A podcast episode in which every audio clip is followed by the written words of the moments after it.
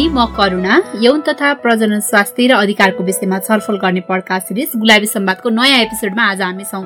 आज हामी यौन तथा प्रजनन स्वास्थ्य र अधिकारका विभिन्न विषयमा छलफल गर्ने क्रममा दोस्रो सिजनको छत्तिसौँ एपिसोडमा छौँ र आजको एपिसोडमा हामीले आफ्नो पहिचान आफ्नो स्वीकारोक्ति र अधिकारको बारेमा छलफल गर्दैछौँ। र आज चाहिँ हामीले यौनिक तथा लैङ्गिक अल्पसङ्ख्यक समुदायको बारेमा कुराकानी गर्दैछौँ र त्यसमा पनि आफू यौनिक तथा लैङ्गिक अल्पसङ्ख्यक समुदायको व्यक्ति हो भनेर आफैले आफूलाई स्वीकार गर्न किन आवश्यक छ? आफूले आफूलाई स्वीकार गर्दाको सहजता र नगर्दाको असहजता के के हुन सक्छन् भनेर छलफल कुराकानी गर्दैछौँ। हुन त हामीले हाम्रो पडकास्टको केही एपिसोडमा एलजिबिटिआई क्युए प्लसको बारेमा कुरा गरिसकेका छौँ। उहाँहरूले भोग्नु भएको दुर्व्यवहारको बारेमा कुरा गरेका छौँ। तर आज भने हामीले कोइड समुदायका व्यक्तिले म को हो मेरो पहिचान के हो मैले आफ्नो पहिचान आफ्नो अस्तित्व स्वीकार गर्न किन आवश्यक छ भन्ने बारेमा छलफल गर्ने प्रयास गर्दैछौँ। र यो विषयमा चाहिँ हामीले आफ्नो कुराहरू सेयर गर्नुभन्दा पनि यही समुदायको साथीहरूबाट सुन्दा अझ राम्रो हुन्छ भन्ने चाहिँ हामी दुईटालाई लागेको छ। र त्यही भएर नै अब सविता ढिला नगरिकन आजको हाम्रो गेस्टसँगकै कुराकानीलाई सुरुवात गरौँ होला। हुन्छ करुणा र आज चाहिँ हामीसँग हाम्रो स्टुडियोमा दुईजना पारालिङ्गी साथीहरू हुनुहुन्छ। सरोजी न्युपाने र मौसम लामा जसले आफू पारालिङ्गी भएपछि कस्तो खालको महसुस गर्नुभयो आफ्नो पहिचान स्वीकार गर्न चाहिँ उहाँहरूलाई के कस्ता कुराले प्रेरणा मिल्यो लगायतका विषयमा गुलाबी सम्वाद सेयर गर्दै हुनुहुन्छ। स्वागत छ यहाँहरू दुवैजनालाई। दुवैजनाले आफ्नो परिचय दिइदिनुहोस् न।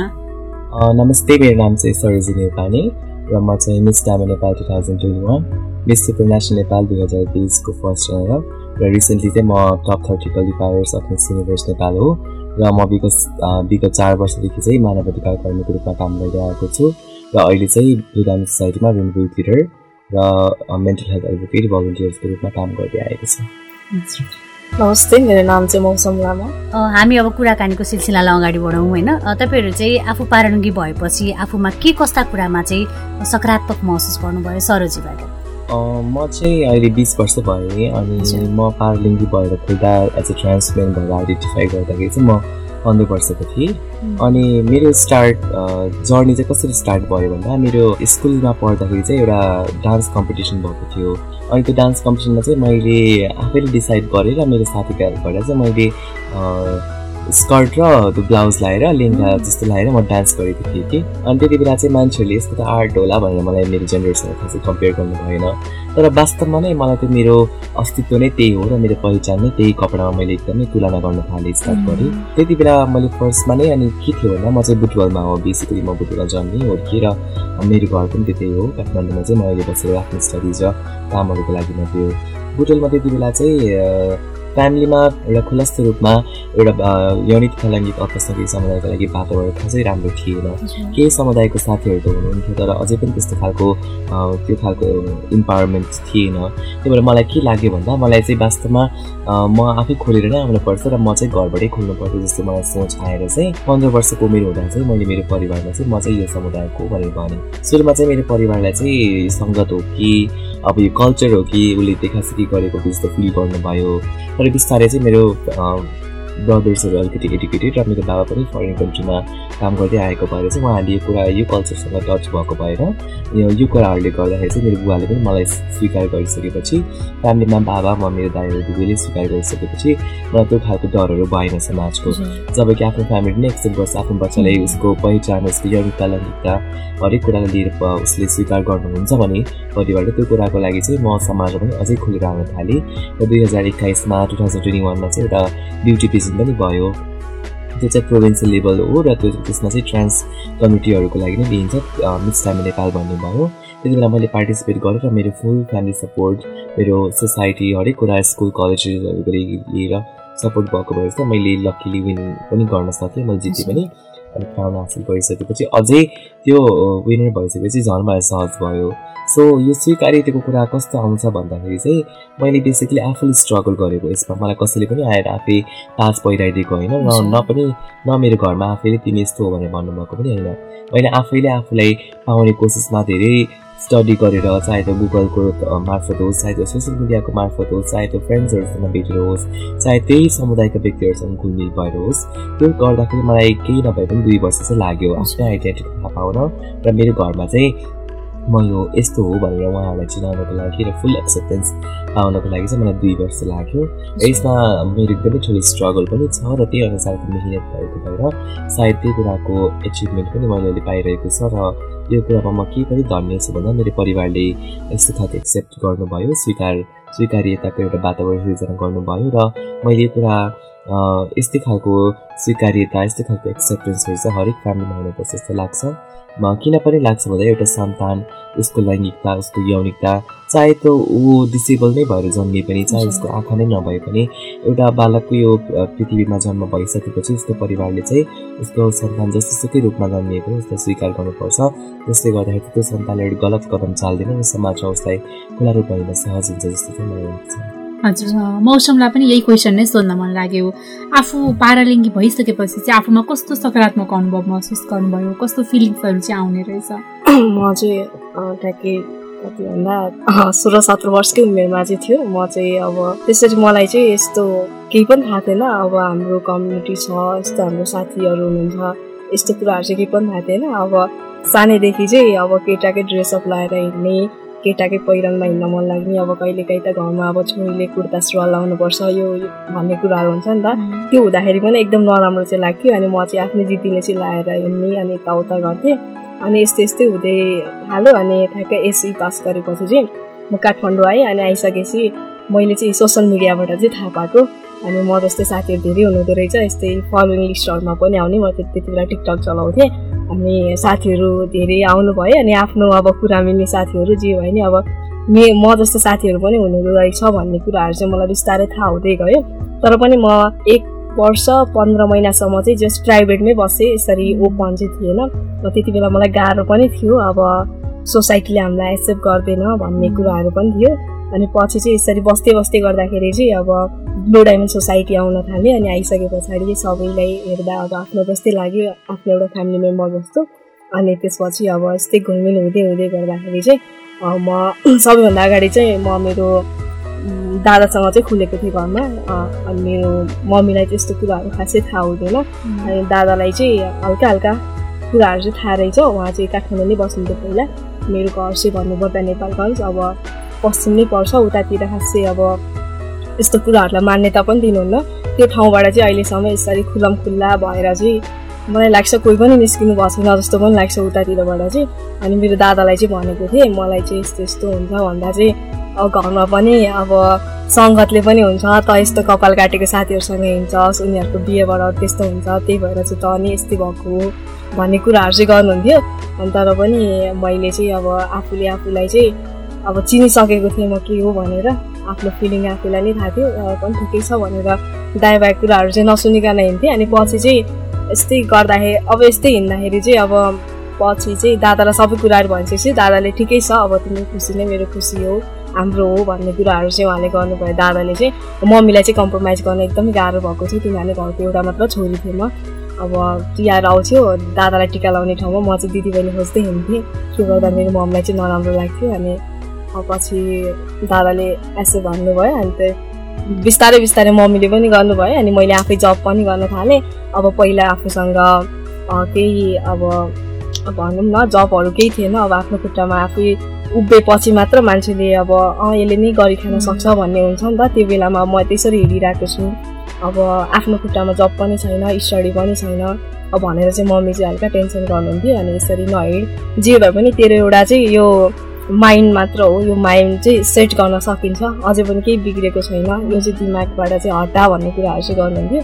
तर आफैले जबहरू गर्न थालेँ जब गरिसकेपछि जस फ्यामिलीलाई पनि मैले खुसी नै राख्न सकेँ। एउटाले जुन कर्तव्य मेरो दाइले अब निर्वाह गरिराख्नु भएको छ नि त त्यही कर्तव्य मैले आफ्नो घरमा पनि गर्नु सकेँ। त्यस पछाडि चाहिँ घरबाट चाहिँ त्यस्तो केही भन्ने सकारात्मक तरिकाले नै एक्सेप्ट भयो। अनि जस त्यही नै हो मेरो चाहिँ। जस्तो यो त सोसाइटीले गरेको एक्सेप्टेन्सको कुरा भयो सोसाइटीले गरेको स्वीकारको कुरा भयो होइन? अब के कुराले गर्दाखेरि चाहिँ तपाईँलाई आफूले आफैलाई स्वीकार गर्न म चाहिँ छोरी भएर जन्मे पनि मेरो फिलिङ्सहरू छोराको छ। म चाहिँ म सबै कुराले म केटा हो भन्ने महसुस गर्छु भन्नुको लागि चाहिँ के कुराले प्रेरणा मिल्यो? त्यो प्रेरणा चाहिँ अब आफ्नो खुसीको लागि चाहिँ मिल्यो मलाई चाहिँ जे भए पनि म एउटा छोरी भएर हिँड्दाखेरिको खुसी र छोरा हुँदाखेरिको खुसीमा मैले धेरै नै भिन्नता पाएँ। त्यस कारणले चाहिँ मलाई एकदम प्रेरणा मिल्यो अनि त्यस पछाडि चाहिँ सरोजी सरोजीजीलाई पनि यही क्वेसन गर्न मन लाग्यो। आफूलाई स्वीकार गर्नलाई चाहिँ सुरुको स्टेजमा चाहिँ के कुराले चाहिँ तपाईँलाई बढी मोटिभेट गर्यो? प्रेरणा के कुराले दियो? त्यही मैले अघि नै भने जस्तै हाम्रो बुटवेलमा म आजभन्दा चार पाँच वर्ष अगाडि ट्रान्सजेन्डर डुवेन्ट भएर खुल्दाखेरि चाहिँ त्यो खालको सङ्ख्या चाहिँ थिएन कि समुदाय खासै खुल्ने घर परिवार खुल्ने हुनुहुन्थ्यो हाम्रो साथीहरू हुनुहुन्थ्यो लुकेर बस्नुभएको अनि बुटवलमै घर नभएको तर बाहिरबाट जिल्लाबाट आएर बस्नुभएको साथीहरू त हुनुहुन्थ्यो। तर त्यो खालको सङ्ख्या चाहिँ थिएन त्यो खालको समुदाय चाहिँ थिएन जो चाहिँ ओपनली आफ्नो घरबाटै खुलेर हिँडेको चाहिँ अलिक कम नै थियो। त्यो देख्दाखेरि मलाई कस्तो फिल भयो भन्दा त्यो मैले कम्पेयर गर्न थालेँ स्टार्ट गरेँ।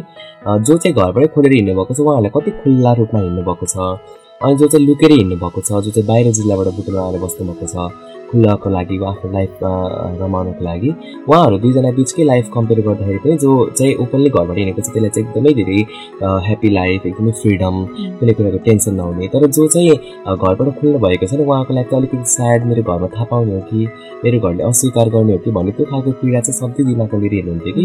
चाहे त्यो चाडबाट के कुरा हो नहोस् चाहे त्यो हरेक जेको कुरा होस् त्यसमा चाहिँ खुसियाली सँगसँगै उहाँहरूमा एउटा इन्सिक्युरिटी पनि हुने गर्थ्यो कि। मेरो फ्यामिलीको इन्सिक्युरिटी छ भन्ने खालको त्यो बोझ हुन्थ्यो। जसले गर्दाखेरि चाहिँ मलाई के वास्तवमा फिल भयो भन्दा म जस्तो अलिकति म पढाइमा पनि राम्रै थिएँ। अनि मलाई कस्तो फिल भयो भन्दा म पढे लेखेको पनि छु। मैले कुनै का कारबाही पाउनको लागि मैले कुनै गलत काम गरेको त होइन।